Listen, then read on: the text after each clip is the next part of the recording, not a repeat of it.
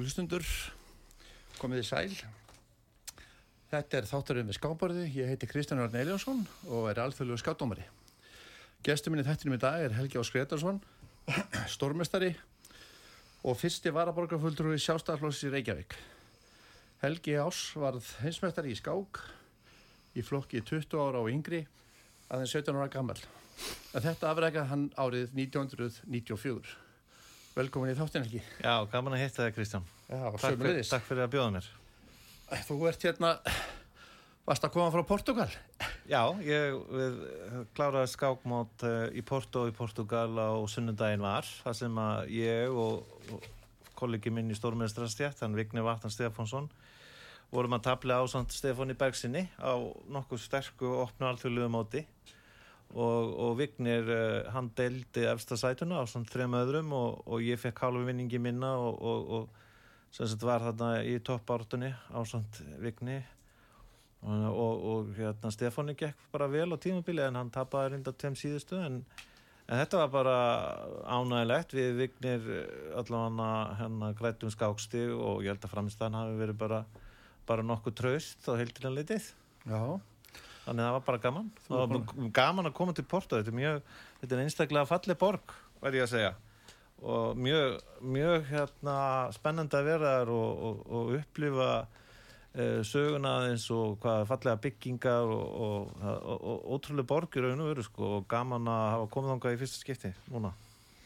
En þú ert búin að vera, ég var hérna með, fekk yngvar í síðasta þátt. Við vorum að ræða svona s- saumarið, bara hvað skákminn hafa haldið sér í saumar. Já, ég var einmitt að hlusta á það bara, hérna, við, við frúin vorum í, í hérna, á hótelherbyrgi rétt hjá Skákstað og ég var, hérna, að undirbúða mig og, notaði þá tíma til að hlusta á eitthvað góða samtal. Það var skemmtilegt. Það er gaman að hafa, sé svona uh, reglubundin umræði í útverfi um skák. Það er virkilega gaman fyrir skákahuga menn, eða skákahuga fólk, sko. Það er mjög jákvætt, sko og endilega að halda þessu á lífi eins lengi og kostur er sko.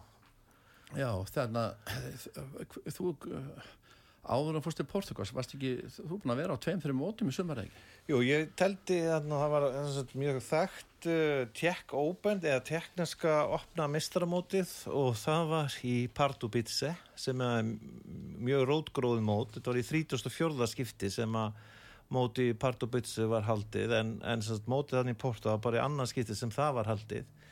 Og þarna sagt, er alveg alþekkt að fjölmenn og sterka móti í Pardubice í Tjekklandi þá mæta mjög margir frá Austur-Evrópu og mjög oft sko með lág skákstig mikill í framför töluvert að þjálfurum og svona að, að hópar frá hérna og þannig þannig var til dæmis hópur af, af fólki frá Suðu Kóru og mikið af uh, indverjum að sjálfsögðu en, en svo líka mikið af uh, keppendum eins og frá Pólandi og á Londonum og þannig þetta, þetta er alveg, alveg rótstert mót sko. það er alveg vitað og bara sem dæmi að Gummi Kjartans var hérna eh, 2021 og, og Hannes Lífa líka og ég meina ég held að Guðmundur hafi tapað næstu 25-28 skákstöðum sko og og Hannes, Hannes líka eitthvað aðeins en ekki ekkert mjög mikið samt en, en þetta er bara ótrúlega stert mót sko.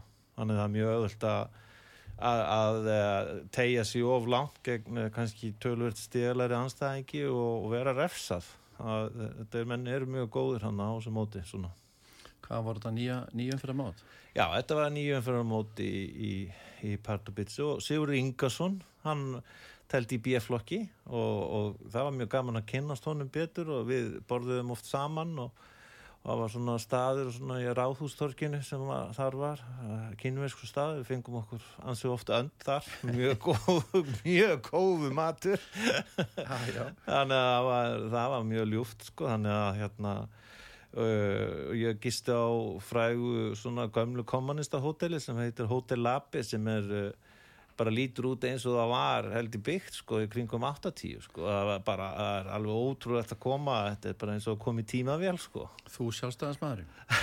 Já, ég teldi í Pardubice 1998 annars og 1999 og gisti þá á Hotel Abe í bæði skipt en það var alveg ótrúlegt þetta var bara, þetta var bara eins og ekkert hefði gæst í alltaf fjörlung Allt og breytt. Já, allavega það sem ég var og mitt herbyggi og, og svona en það, morgum þetta var þokkalögur og, og ég sem sagt út af því að neti var svo svona veikburða sko á hótelinu að, að ég vaknaði ofta eldsnemma til að berja undirbúðum mig til að komast á neti þannig ég veldi ekki fyrir mig hver væri anstæðingurinn fyrir en kannski ég var kannski að fara fram úr hálf 6, 6 eitthvað svoleiðis. Svo byrja að vinna að bara mjög snemma og skákið var síðan alltaf klukkan þrjú á daginn Ef við förum, emitt, ef við förum að sé gegnum þetta nýju umferðir, skákin var klukkan þrjú á daginn, Já, og það var bara Hvernig- ein skák á dag einn skák á dag, svona se- segðu okkur svona emitt frá undirbúningnum og þú varst náttúrulega standaðið gríðalega vel á þessum móti. Jú, jú, ég var einn efstu fyrir síðustu umferð og með hálsvinnins fórskot þannig að það var alveg sorglegt að ná ekki að vinna mótið. En,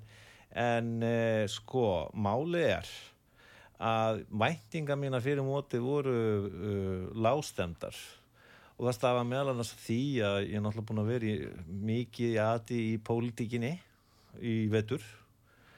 Og uh, hérna hafði ekki geta kannski sint skákin í þeim mæli sem að ákjásanlegt er fyrir svona mót.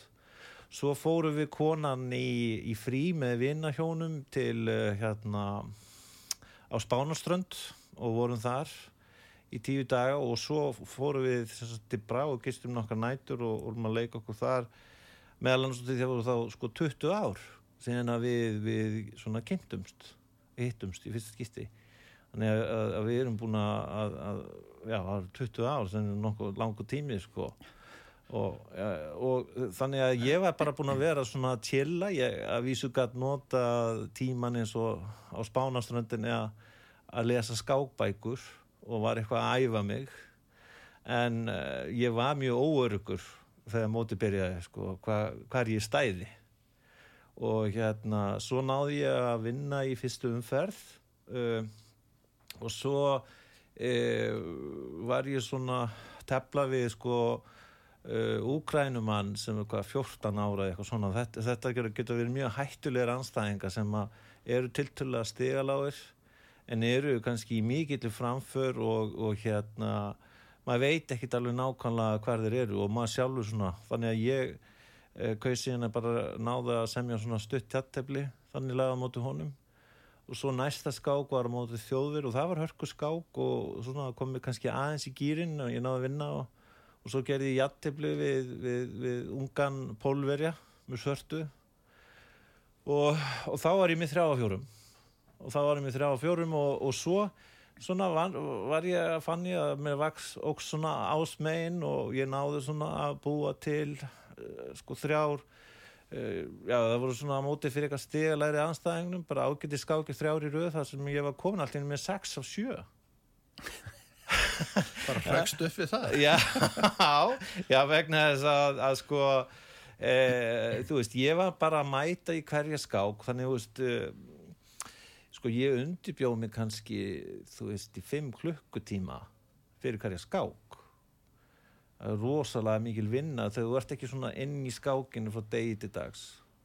Allan eins og ég nálgast þetta að, að þá eigði ég alveg rosalega miklum tíma í, í hérna undirbúning. Aðeins að gripa inn í þetta, uh, uh, tellugan þrjú, það er para svo eftir síðastu skák. Hvena lág pörunum fyrir? Var það seint um kvöldið eða morgunni? Já, það var í- oft eh, um seintum kvöldin eins og ég sagði við þig að eins og ég sagði við þig að ég, ég vilja tekka ekkert á við hvernig ég var að tefla fyrir en ég vaknaði morgunin og má, út af því að netið sko á Hotel Api var svo lélegt að ég vildi vakna eldstemma vegna þess að þá voru svo fáir sko á, á löpum og þá var hægt að nota netið á hérna í herbygginu og þá gætt maður fengi fullt af upplýsingum og hitt og þetta og gætt notað ímsa uh, möguleika á netinu sko. en, en svo þó klukkan var kannski orðið nýju eða hálf tíu þá, þá var það bara ekki hægt sko. þá, þá þurftur að fara eitthvað út úr herbygginu sko. þannig að ég, ég var að reyna að tryggja að ég hefði allan aðgang á upplýsingum bara svona eldsnemma og svo byrja maður bara svo var bara svona rútina um hvernig maður var að undirbúða sig og ég pæli voða mikið í anstæðingnum og, og hvers konar uh, barda ég vil fá ef svo maður komast, hvers konar stöðutýpu ég vil fá hvar eru veikleikar hjá viðkomandi þú veist, þegar lengra líður á skákina í miðtablu og endatöflum og svo framvegis. Mm. reyna að sjá þetta sjá svona bardaðan fyrir sér uh, hérna alla leið. Uh, Þegar Sigurbjörn var hérna hjá mig Sigurbjörn Björnsson ég spurði hann svona hvernig hann myndi undirbúa sig sko, gegn sterkar anstæðingi og nú er þú kannski að undirbúa að segja um gegn veikar anstæðingi að þú er stórmestari en þetta teflaði stórmestari líka. Jú, jú. að hann saði sko hann bjóst við því að það væri ekki sko, það væri öðru svo undirbúningu þú vart að tefla niður fyrir heldur en kannski upp fyrir því að þú sko, skoður þetta með öðru hugafæri finnur skákis gegn svipa anstæðingum með svipum styrkleika hvernig maður teflir. Er þetta eitthvað svona þér eða ertu bara teka þetta svona hefðbundið bara skoðaru allt bara byrjunavalið og, og, og Já, það sem að ég kannski svona kannski öðru sér hjá mér en, en hjá svum öðrum er að, að ég er að leita fyrst og fremst að e, hva, hvaða stöðu týpur vil, vil ég fá upp? Og skipti þá ekki allir máli þó að ég kannski sé með aðeins lagara eftir tíu leiki eða tólf ef ég veit náttúrulega í hvaða átt ég bardagin er að þróast og ég veit oft þá er ég búin að pæla mjög mikið anstæðingum hvernig hann er að leika af sér kannski í 2005.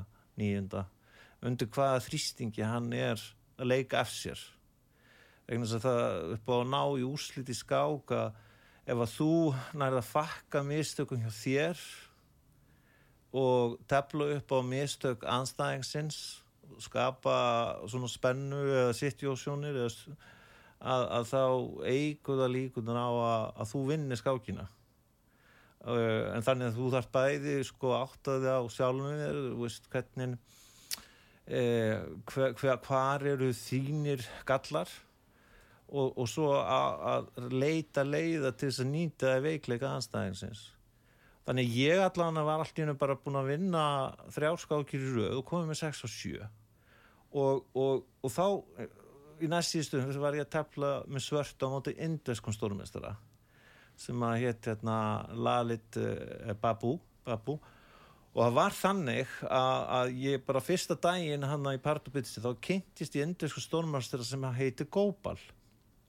Og og við urðum sammála um það að taka alltaf leigubíl frá Hotel Abbe rétt fyrir umferð.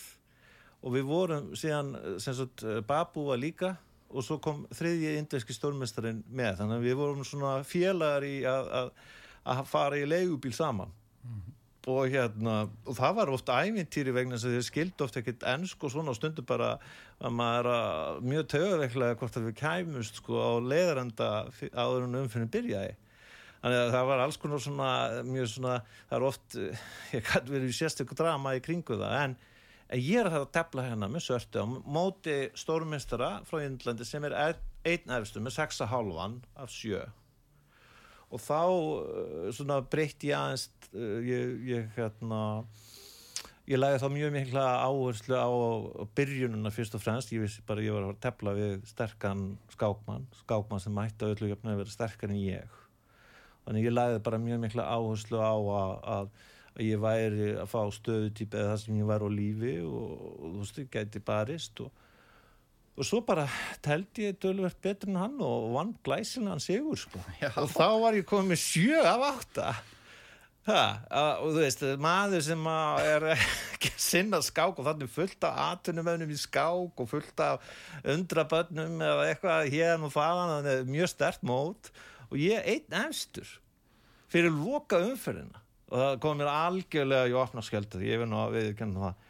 Og, og það var, þetta var hérna, já, þá, þá er staðan þannig að, að ég er með 7 af 8 og svo eru þrýr með 6,5 og hérna, hann er Babu indeski og svo einn mjög traustur og sterkur þýskur alþjóðlegu mistari sem heitir Kristoffer Nóg og svo uh, hérna Kasagi, ungur alþjóðlegu meistari, 22-23 ára sem að, og ég fjör, og var með kvítt á móti í síðustöðumferðinni og, og hérna sko og þá gerði ég bara það sem að ég hefði verið að gera allt móti sko og undurbjóð mig og sko ég fannst vera mjög líklegt að ef, ef ég næði jættibli að þá væri mjög líklegt að ég myndi vinna mótið. Einn en sá möguleiki var að ef að annarkor hérna, sem að tefla á öðru borðið voru með 6,5 þessi Nóe og Babu eða Lalit að ef að þeir myndi vinna þá myndi ég örgulega lendi í öðru sæti á stegum þess að ekki vinna mótið einn. Þannig ég vildi sko reyna að stýra skákinu þannig að ég hérna ætti möguleika á að tefla til sigus vegna þess að ég mata svo að, að ég væri betri skákmaður en anstæðingunum minn en væri bara ennþá það ungur og ég ætti möguleika að geta líka telt sigus. Sko það er líka mjög mikilvægt að segja eins og þegar maður er að tefla við svona ungan kasaka að uh, ég þekki skákmenn frá Kazakstan og þetta eru oft ótrúlega vel þjálfaði skákmenn í að reikna út og svona já, skarpari í því en maður sjálfur en eru ofta ekki endilega hérna, mjög góða byrjanir eða eru oft í, allavega eins og með svörtu og eru með ímsa svona ágallan ég mata svo að, að ég ætti bara að vera hugsa um skákin og bara segja ég er bara betri skákmaður. Af að trúa verkefninu þannig sko. Og þá, þá kom það líka það var eitt sem að svona eftir á að fóð smá í ég var nefnilega búin að búast við ákveðni byrjun og það var náttúrulega margir byrjanir sem komið til greina og, og, og þá, þá hefði nú verið gott að vera sagt, með netið í tölvunni minni. Að, til þess að þjálfa hérna, það var ákveðin byrjun sem kom síðan upp en ég hef, hefði gott að geta notið ákveði forrið og ákveðin hérna, gagnabank á netunni til þess að æfa sig sko. Að því að svo kom hún upp og þá myndi ég ekki myndi ég ekki leikjaröðina sko. Og þá lendi ég í hérna smá svona vanda en fekk fullt af tækifærum á meðan að skákin stóð til þess að halda jöfnu fullt aðeins og ég, auðvitað var ég uh, taugatrektur ég meina ég hafði gulli tækifæri af því ég sá síðan að skápa á borðu nummer tvö og hún var að fara í jattibli þannig að jattibli fyrir mig það hefði þýtt að ég var í sigurvera á þessu rótsterka alþjóðlega móti í part og pizza bara verið ótrúlegur árangur sko. Já, já.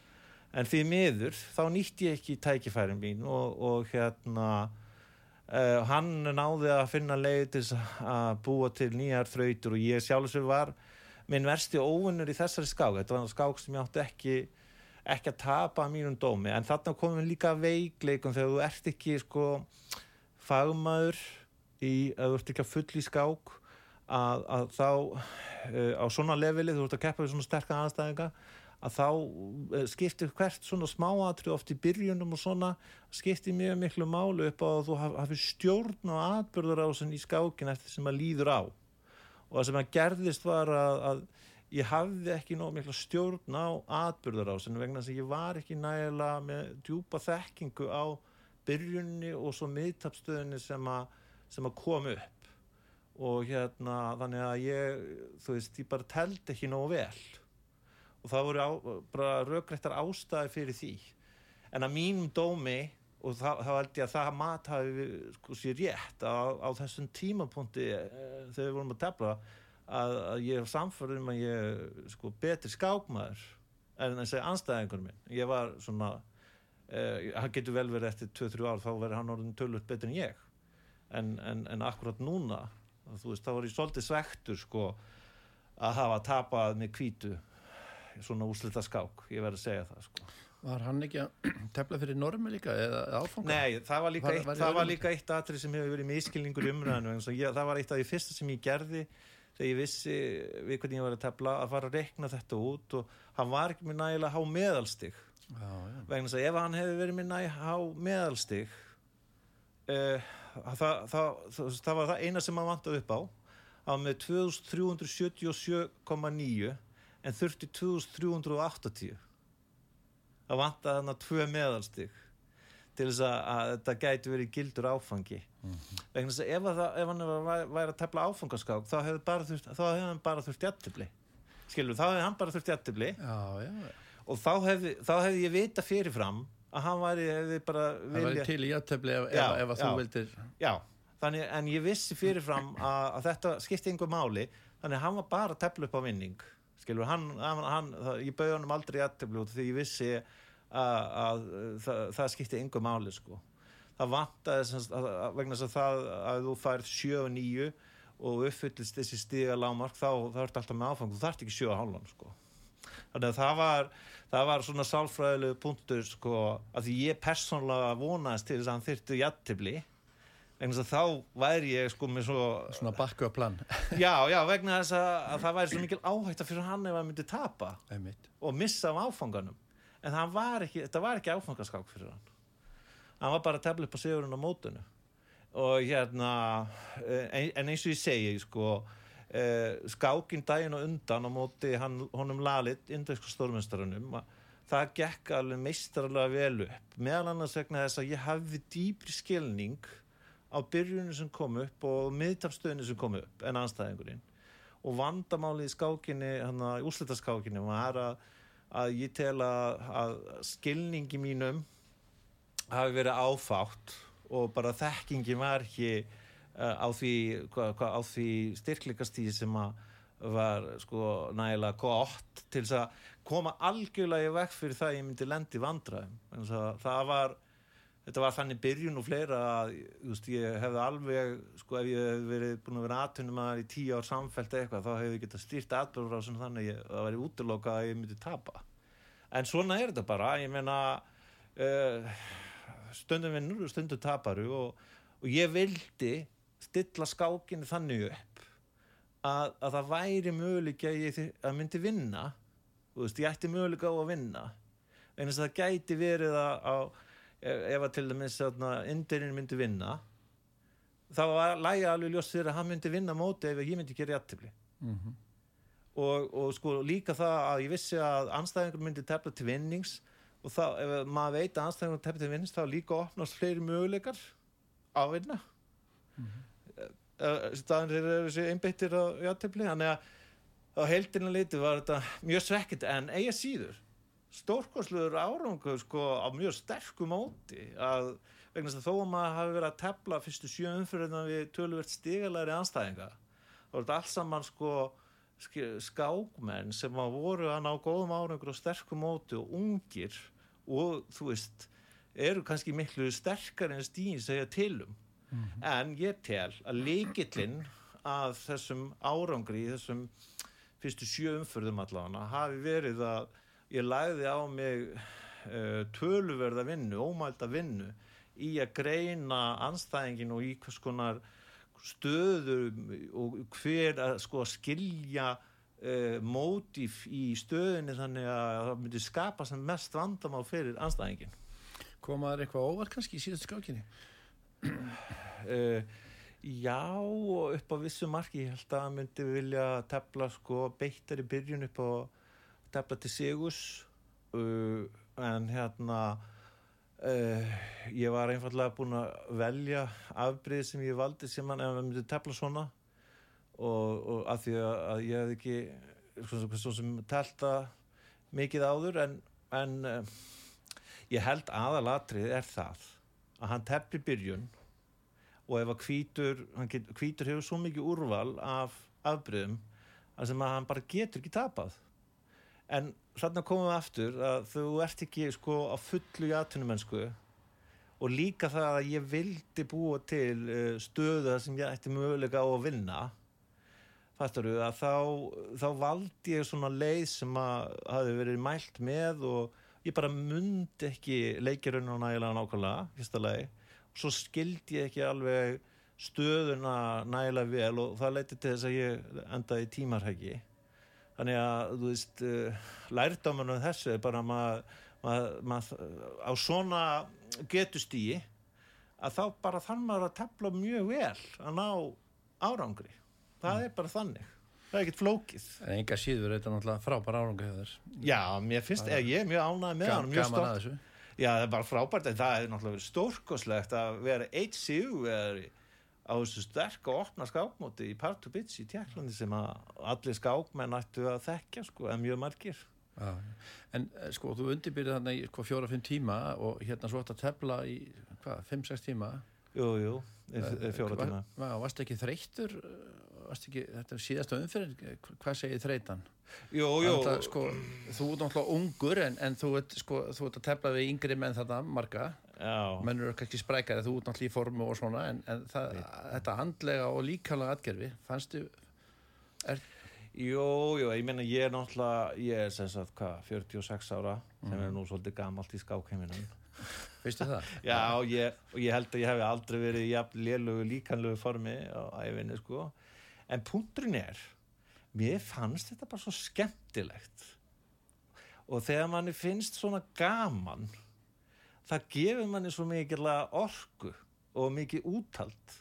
Ef maður bara leifir, uh, sem sagt, að njóta barda, sem svo móru komast, að njóta þess að taka þátt í þessu og hafa þessa gleði, þessa leikgleði það, það gefur svo miklu orku það er, og líka því að úst, ég er ekki undir neitt svona pressu eins og mjög margir af þessum aðtennumennum að, að ná efsta sætun eða efstu sætun og fá pening og hitt og þetta en að, að, að sko ég tel að, úttald hafi ekki verið vandamál, þarna var bara skortur á vissri þekkingu og vissum skilningi og, og svona, já, kannski að taugarnar hafi líka spilað eitthvað inn í.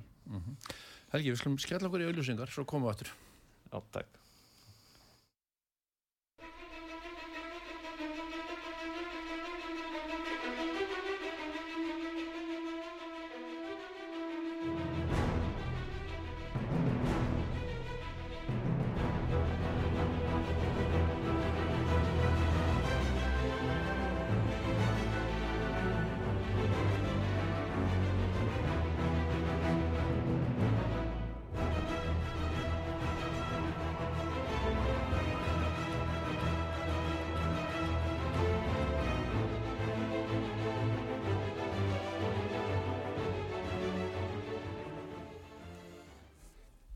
Já, við erum komin aftur, þetta er þátturinn við skákborðið, ég heiti Kristján Orðin Eiljánsson og hjá mér er Helgi Ás Gretarsson, stórmestar í skák.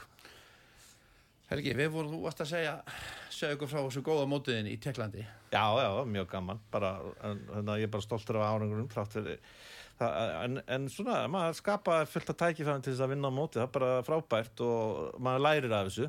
Ég, ég ætla bara að vinna í því að læra af þessu, ég vil hérna gætnan e, tryggja það að ég nái betri árangur í svona úslita skákum framvegis. Það, skiptir líka máli að eftir á að hyggja og þegar ég líka hugsa með aðra úrslutaskáku sem ég hef telt á undanfjörnum árum að kannski fyrir þær á maður að vera bara afslappari, maður að bara fókusur að slaka meira á ekki að undirbúi sér svona mikið þetta er bara svona láta hann að koma þegar hún kemur og bara vera aðeins tillæri en, en maður hefur kannski verið sko. ég, held að, ég held að það sé líka eitt lærdómur sko. stundum til svona árangur í keppni að, að láta árangurum koma til þín en ekki að þvinga hann fram. Stundum bara þarf maður að anda með nefinu og láta hlutin að koma í staðin fyrir að, að vera að þræla sér út við að krýja út einhver úrslit, þetta er stundum svona jafnvægislist. Tekum undir það, ég líst vel á þessa, þessa hugmynd og hugsa þetta svona. Svo náttúrulega varstu í hvað, sömufríð náttúrulega með konunniðinni og bara afslappar og segir Ekkert stress og bara gaman. Jú, jú, þarna var ég einn í Partubits og að við náttúrulega kynntist þarna Sigurði Inga sinni sem var telt í BF-flokki og stóð sér bara príðilega. Svo, svo fóru við, svo fór ég til eh, Porto í Portugal og þar hitti ég fyrir Stefan Bergson sem er náttúrulega hérna, mikill skákmaður og skákáhuga maður og kennari og me meru og hann var með konun sinni í Porto. Og hann var nýkomin á móti í, Englandi. Er nú ekkert gengið neitt sérstaklega en hann er skákmaður með um 22 held ég núna eitthvað svona aðeins undir það. Og, og uh, svo var Vignir Vatna Stefánsson sem er náttúrulega ungstyrni okkar Íslendinga. Tvítur, hann er að fara á heimsmyndstunum á 20 ára yngri í Mexiko í haust og ég var það náttúrulega á sínum tíma 94 í Brasilíu Já, já, heimsmeistari. Já, heimsmeistari, tu- ég var 17 ára og hann er að fara á sitt síðasta heimsmeistunum á 20 ára yngri og hann er orðin mjög þroskaður skákmaður, virkilega gaman að fylgjast með honum og hann, hann fekk hann í Porto sjövinninga á nýju mögulegum, tapaði ekki skák hann þeflir í miklu öryggi hann, eh, hann er líka svona já, meður við ofta að fá endatapstöðu sem að honum tekst að að að pressa anstæðingi mikið með og svona og bara stendur sig virkilega vel í því. Ég er mjög ánað það er frábært að sjá í hvaða átt uh, Vignir hefur þróast sem skákmaður og, og verður spennandi að sjá hérna, hver, hver- hvernig næstu ár líti út hjá honum. Það er bara ja, alveg merkjað að hann- sé orðin stórmistari og líka tefla svona miklu, miklu öryggi. Það sjaldan núorðu sem hann tapar. Það er allt saman mjög mjög ánægilegt uh, ég hins vegar sko að því að uh, uh, ég finn það að, að ég er náttúrulega að tefla mér að verulegu leiti til ánægju og, og ég vil svona þú veist, mér finnst gaman að berjast og reyna að fá sigur. Það er skemmtilegt. Ég, ég er nefnilega málið að það svo fyndið að, að hérna, ég var ekkert svo svektur eftir að tapa fyrir kasakonum í Partubitsi, auðvitað var ég svektur en ég var, mér fannst ég ég skildi hversin ég tap ég, mér fannst ég bara ekki tefla alveg nógu vel það var svona stress og, og hérna og svo bara, ok, ungu Kasaki sem að eh, veist, eh, komu upp, en hann í Porto og þá, þá byrjaði það að vinna fyrstu þrjáskákinnar og, og, og svo eftir það þá kom konan í heimsók og hún kom og, og fyrsta skákin sem ég teldi eftir það, þá tapaði ég Nú, nú, það verður ekki að fá hana bara. Nei, sem myndi segja það, það væri verra en það var, ég var alveg sko niðurbrotin maður að, að tapa, ég var með svarta móti indvesku stórmestar og uh, mér fannst ég vera með, þú veist, ég átti ekki möguleika á að vinna skákin en, en það var svona stöðu típa sem, sem að með aðeins lakar en ég, eitthvað sem ég á að þekkja út og inn og á að hafa stjórn á og aldrei að tapa skákinni.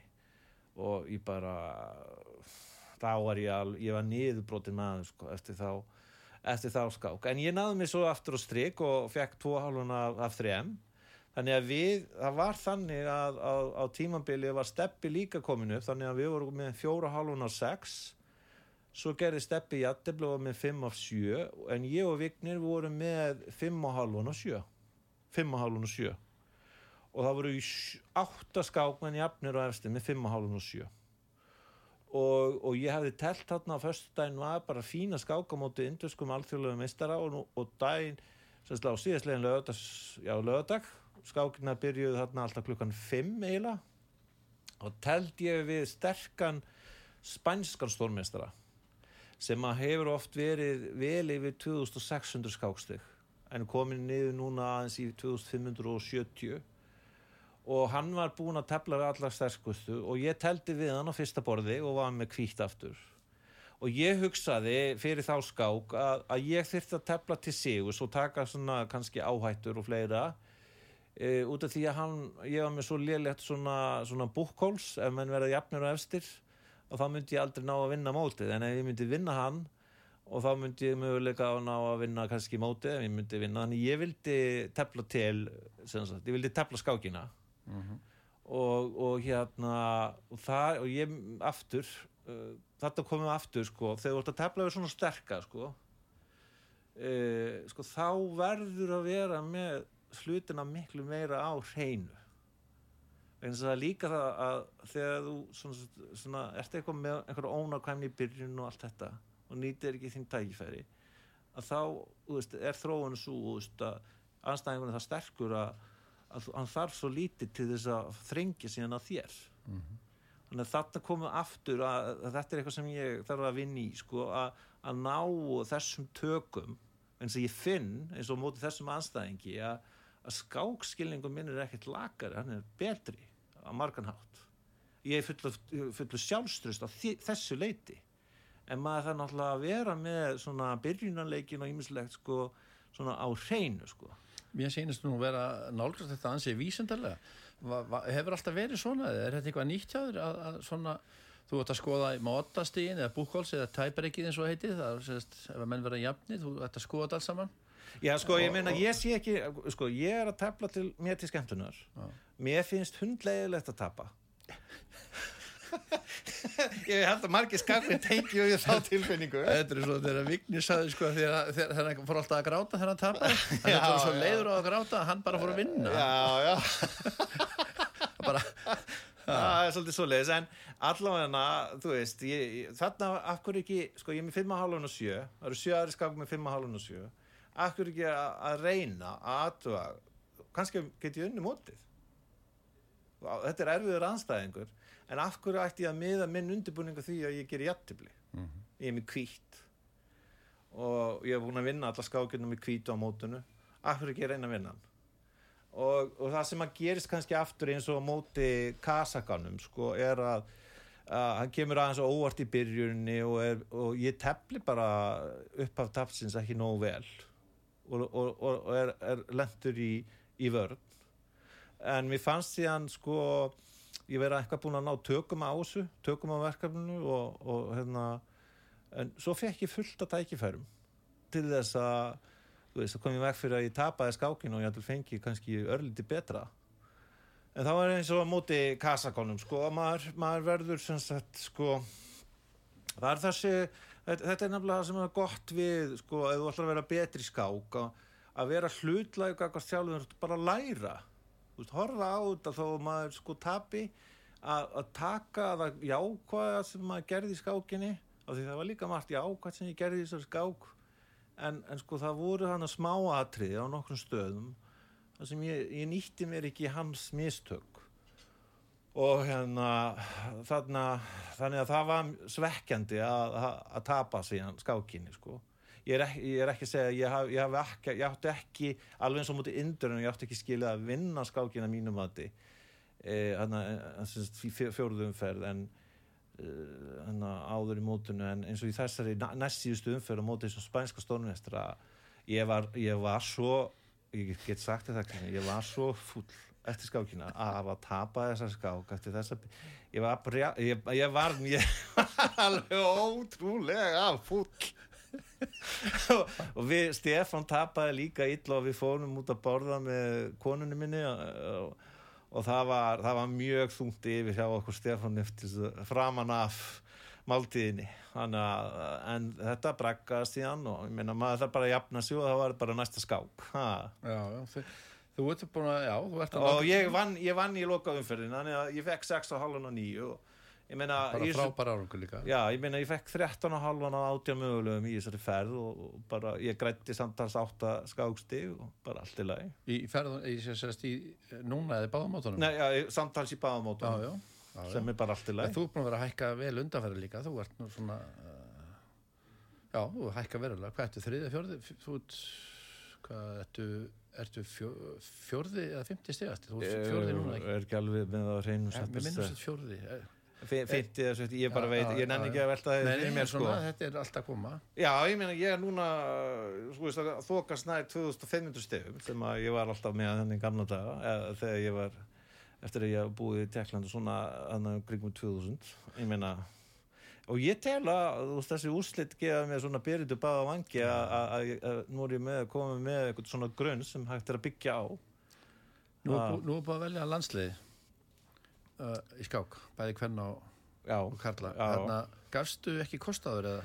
Nei, ég gaf því mér ekki út af, uh, út af því að ég er í borgarpolítikinni að, að þú veist svona landslisverkefni að fara á Evropamót uh, landslega í opnuflokki, þetta er uh, að mínum að þetta er mjög stert mót, mjög stert mót. Og það bara krefst svo mikið tíma bæði undirbúningi svo meðan að mótunum standur og að það er mikið ála oft sem að fylgja því að taka þátt í svona mótum að það er líka einhvern smá tíma að jafna sig eftir það. Ég mata svo að á þessu tiltekna tímapunkti er heilmikið um að vera oft í borgamálunum mm -hmm. fjárhasállun og fleira uh, sem, að, sem að þarf að, að hérna, glíma við og, og ég vil uh, veist, ég er kjörinn fulltrúi hjá Reykjavík borg og get ekki, ég get ekki bara verið í útlöndum og leikin verð sko í skákinni. ekki vera leikar í vinnunni. Nei, alltaf ég, ég mata svo að hérna, e, það var líka sko að því að hérna, það gekk mjög vel hjá mér í upphæði þessa ás veist, við komum hérna til þín einhvern tíman í februar eða mars. 22. februar Já, og ég var þá búin að vinna hérna, gestamóti, ég vann alla fimm skákirnar. Og vann meðal annars Hjörvar og Braþorfinsson og Vigni Vatnar. Og hérna Uh, ég held kannski það gaf mér svolítið svona byrjundi báða vangja mögulega gæti ég sko bara orðið aftur nokkuð sterkur. Þú veist að því ég held kannski að ég er komin í pólitíkina nú bara kannski á ég bara hérna, hætta þessu og bara leggja saklunum og eitthvað. En svo finnst mér þetta bara svo skemmtilegt. Þetta er svo gaman. Já, og skák er skemmtileg. Já, já. og, og ég hugsaði hérna síðan endaði með því að ég pældi í þessu sumri og ákvað bara slá til. Af hverju ekki taka tvö mót og, og þú veist það er aldrei að vita nema kannski gef ég kost á mér fyrir landslið hérna olimpíumóti 2024 við finnst að vera meira spennandi mót það er í Budapest uh, í september 2024 og eins og staðan er núna þá veist, er ég svona kannski að já, já, allan að hugum minn ég er miklu meiri áhuga á því verkefni en þessu verkefni EM landslega núna í nóvumber En þú náttúrulega þá hleyftir öðrum að, un, ungum skákmanni sem er nýjan, algjörlega, það er bara flott. Já, já, hann er, hann, hann, hann uh, uh, Hilmir uh, já, Hilmir, Freyr. já. Freyr Heiminsson ég menna það, að, það er nöðsynlegt líka að, að uh, þú veist að, að það komi nýjir nýjir vendir og þú veist aðtuga gott að þessi samkeppni líka. Kemur smá endur niður og gott að fá ungustrákarna inn, Vigni og hann og hérna, já, já, sko Vignir held ég að sé hann er náttúrulega bara eh, hann er bara að stefna að hraðbyrja því að vera sterkast í skák hann náttúrulega er Íslandsmeistari núna en hann að mínum að þetta er að uh, þú veist uh, eftir eitt, tvö ár þá, þá verði það óumdilt að hans er besti skákmaður Íslands. Að stefnir þangað finnst mér. Uh, þannig að hérna ég þarf að bretta upp ermar ef ég ætla að vera aftur Íslandsmeistar í skák sko, ah, það held ég að sé nokkuð ljóst. Það er aldrei að vita nefnum að stefna því líka. Ha, næsta ári. Íslam eftir að hraská já ég er Íslandsmeistar í hraskák Já Mátt ekki glemma því? Nei, nei en, en, en ég held að, hérna, þetta var allan að niðurstaðan í þetta skiptið vegna þess að, að hérna, pólitíkin kostar tíma og, og fyriröfnum það er ímislega sem að það er að gera og græja og, og veita núverandi meirhluta málefnulegt og, og hérna, gaggrinni aðhald og ég vil taka þátt í því. En ég svona sko þetta borgarstjórn er í fríi í júli og framan af í ágúst þannig að þá er tækifæri alveg til þess að tefla og, og svo líka veist, eins og um áramótin og svona ég, ég allan að sé eins að fleti að ég hérna, eftir þessa framinstöðu þá, þá þetta langar mig að halda áfram. Eins, að, eins og þú myndist á að, að frá upphæði þessa ást til dagsins í dag ég er búin að græða 32 skáksti sem er nokkuð mikið á þessu Já. leveli. Stóðstu vel á Evropamótinu sem er haldið hérna heima?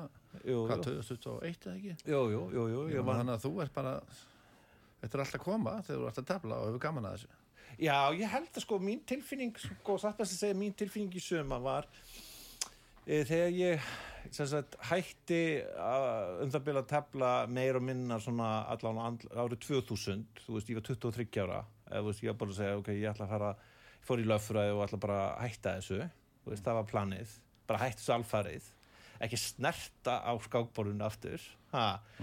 eh, en þá fannst mér líka sko eh, ég verið búin að ná svona vissum tökum á þessu, þessu geimi sem er svona ákveður svona strategísku skilningur á skák og að, að sá strategíski skilningur myndi aldrei hverfa. Svo hætti ég að tefla í tölvöld langan tíma og það sem kom mér á óvart var hvað þetta er, þetta er sko fljótt. Þú veist, maður heldur að maður sé búin að ná tökum á geiminu eða á, ská, á skákinni en svo er þetta svo fljótt að fara. En og getur, eins og núna er ég búin að vera í eh, svona, vera löngu prógram bara að reyna að ná þessu aftur. Hvernig verður maður betri skák? Uh, og, og sko að ná svona stórmestra styrk og þá held ég að eitt undirstuða atriði sé sko stöðulugur skilningur strategísku skilningur. Hvar þú setur mennina hvar eru veikpeð hvenær eru tækifæra að fara í mátsókn og þú veist það er svona ákveðið svona grundallar atriði sem þú þarfst að hafa alveg á hreinu. En ef þú vinnur ekki í því að viðhalda þessu skilningi að þá gufar hann svolítið upp. Er þetta tilfinning svolítið líka? Jú, en uh, þetta er samt sko, ég er svona að fá sömu tilfinningu fyrir mínum styrkleika eins og þegar ég hafði svona, þú veist, fyrir 23 árum eða fjórum. Að, þú veist, þá, þá er það svona, þá er það svolítið sko, þú veist hvar uh, góðu kallar, hvar eru slæmu kallar, hvar er peðin, veist, svona eðli baróttunar í miðtablinu og mögulega líka tengslum við endatablið Svona stöðut mat. Já, þú veist, líka rétt að, að meta stöðuna rétt og vegna þess að það er náttúrulega eitt af því sem að, maður er ofta að spyrja veikar í skákmenn er að þeir meta stöðuna rámt og er margir valkostur í stöðinni og þeir uh, skilja ekki veist, hva, hvaða skákmaður á borðinu er sterkur eða veikur, hvað þarf ég að laga í stöðunni minni? Að því að sko, þú veist, eins og þú veist að byggja upp eins og í fótboltaleik þú veist, þú getur, þú getur byggt upp sóknina að róla, hægt og róla og reynda að svæfa anstæðingin sem að teki taki bolta og svo bara hröð sókn. Eða þá þú getur verið sko að- að að pressa alveg frá uppaðið um svona þungarokksbolta alveg.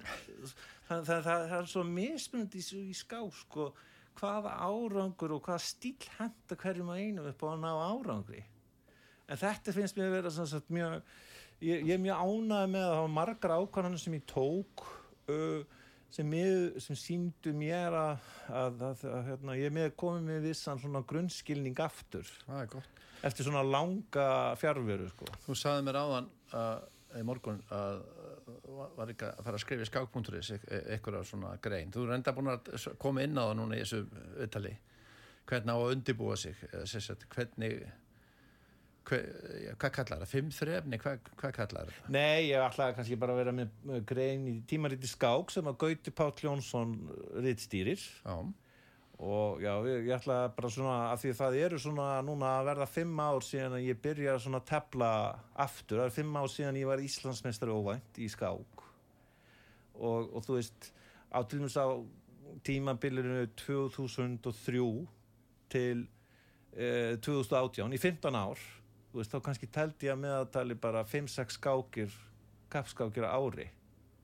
Og mörg ár ekki neitt. Þetta er náttúrulega rosalega lítið tapmisk á 15 ára tímabili. Mm. fattar já, já. og þá, núna eru þessi 5 ár liðin þegar eftir að ég verði Íslandsmeistari og, og, veist, og ég var með í kollinu 2018 svona hugmynd sko, ég þarf 5 ár til að koma mér í viðunandi form. 5 ára planið Já, fimm ára planið. Áætlurinn. Já.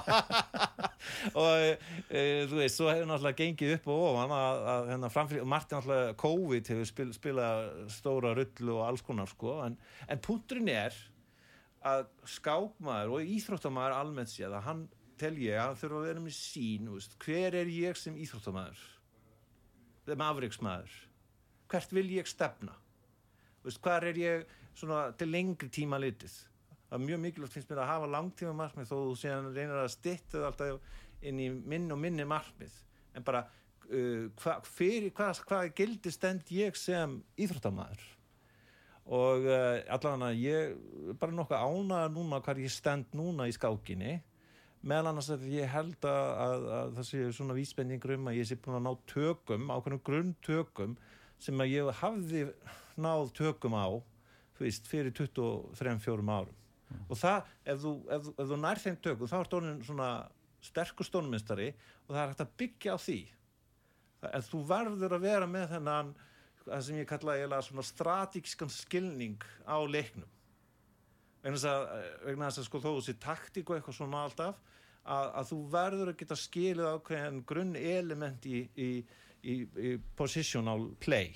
Alveg eins og í fótbolta sko þú veist, hvernig þú vinnur svæði hvernig þú með hraðabreitingar og hvernig þú, þú veist, nálgast mark og kemur í vekk fyrir að anstæðingum fái boltan svo hann skor ekki sko. Þetta er bara svo lífið sjálft. Já, einhverju leiti en þetta eru pælingar sko hjá mér þetta, og þetta er náttúrulega búið já, ég, ég var bara pæli í þess að, að mögulega skrifa ykkur að grein svona segja frá þessari fimm ára sögu sko af því að það hefur ímjömslega gengið á. Meðal annars misti ég mát í tveim leikjum á móti Hannes Lífari sem frækt, var- frækt biskupsmát hann náttúrulega mistaði líka en, en ég, það var alveg hróðalegt uh, Þetta er ekki búin að jafna þetta það. Jú, jú, það er langt síðan að það var en það var náttúrulega þekkt að fó, fó svolítið út um heima ég misti af drottningum fórn og gætt máta 95 leikjum. Það kemur fyrir bestu menn. En sagði mér eitt, ef við erum tíma okkar að vera búin, hérna eitthvað mót framundan, eitthvað svona, Eitthvað svona lokum hjá okkur? Ég veit, sko, það getur verið að mögulega er ég að horfa á eitthvað um áramótin og svo er EM í hraðskák og atskák í Zagreb og svo er Íslandsmót skákfélaga náttúrulega Já, og svo er náttúrulega eins og núna áskonundaflokkur að byrja e, og svo höfst maður taffélags Reykjavíkur þannig að það er alltaf eitthvað, eitthvað um að vera og, og svolítið að sko, Marki Pétursson er til og með að byrja að tefla núna eftir tvo daga í Pólandi þannig að er maður svona já, ég er ekkert búin að ákveða í sjálfur sinni næstu skref hjá mér en, en, en maður, það, það er líka gott að fá tíma til þess að stúdera sko sínar eigin skákir og reyna að læra sko. Já, já. það er uh, svona mín aðferð. Það er að skilja sjálfa sig og skilja anstæðingin það er mjög mikilvæg element í skák að mínum mati. Já.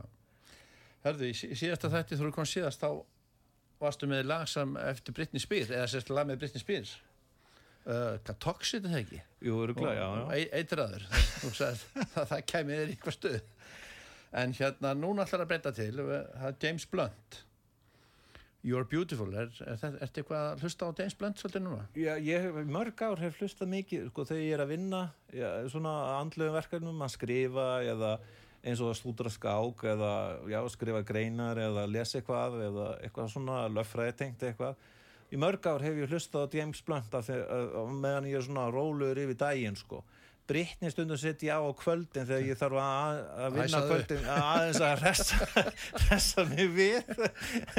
En James Blunt hlusta, hlusta ég mjög mikið á sko, fallega melodíur og texti sem er svona skýr og einhver svona skilabóði í lögunum hans og mér finnst það bara gaman sko að hlusta á hann, mér finnst hann flott tónlistamæður Það er mitt svona kannski aðeins stutt að þú talar um löffræðina þú varst nú að, þú varst nú að kenna út í Háskóla Íslands. Ertu eitthvað svona ertu alltaf að halda þig við þetta að lesa mikið í löffræðinu og það Nei, ég, ég kenni hérna, nefnundum sem eru að vera lögilti fastegn og skipasalar. Já, já, og það er svona það helsta sem ég gerir til að halda mér við á, á því sviði en svo er náttúrulega fólk bæði, löf, bæði pólitíkinni og líka uh, svona hinnur og þessir sem að leita til manns og þá náttúrulega er maður bara beita aðfyrirfræði löffræðina við að komast að niður stuðum eitthvað. Þannig maður er alltaf að nota löffræðina í störfum sínum einhverju leiti einmitt Herru, þættunum skábórið lokið í dag. Ég þakka gestum mínum Helga Ásgreta sinni, stórmestara, varaborgarfulltrú og fyrirvæðandi heimsmeistar í skák fyrir komin í þáttin og skemmtileg spjall, eins og alltaf Helgi. Takk fyrir að bjóða mér, gaman að vera hérna Já, takk fyrir það. Og Bragar einu sinni þakka ég fyrir tæknumál og stjórnun útsendingar, hlustundum öllu fyrir hlustunina. Ég heiti Kristján Örn Eliasson, verið þið sæl og góða stundir.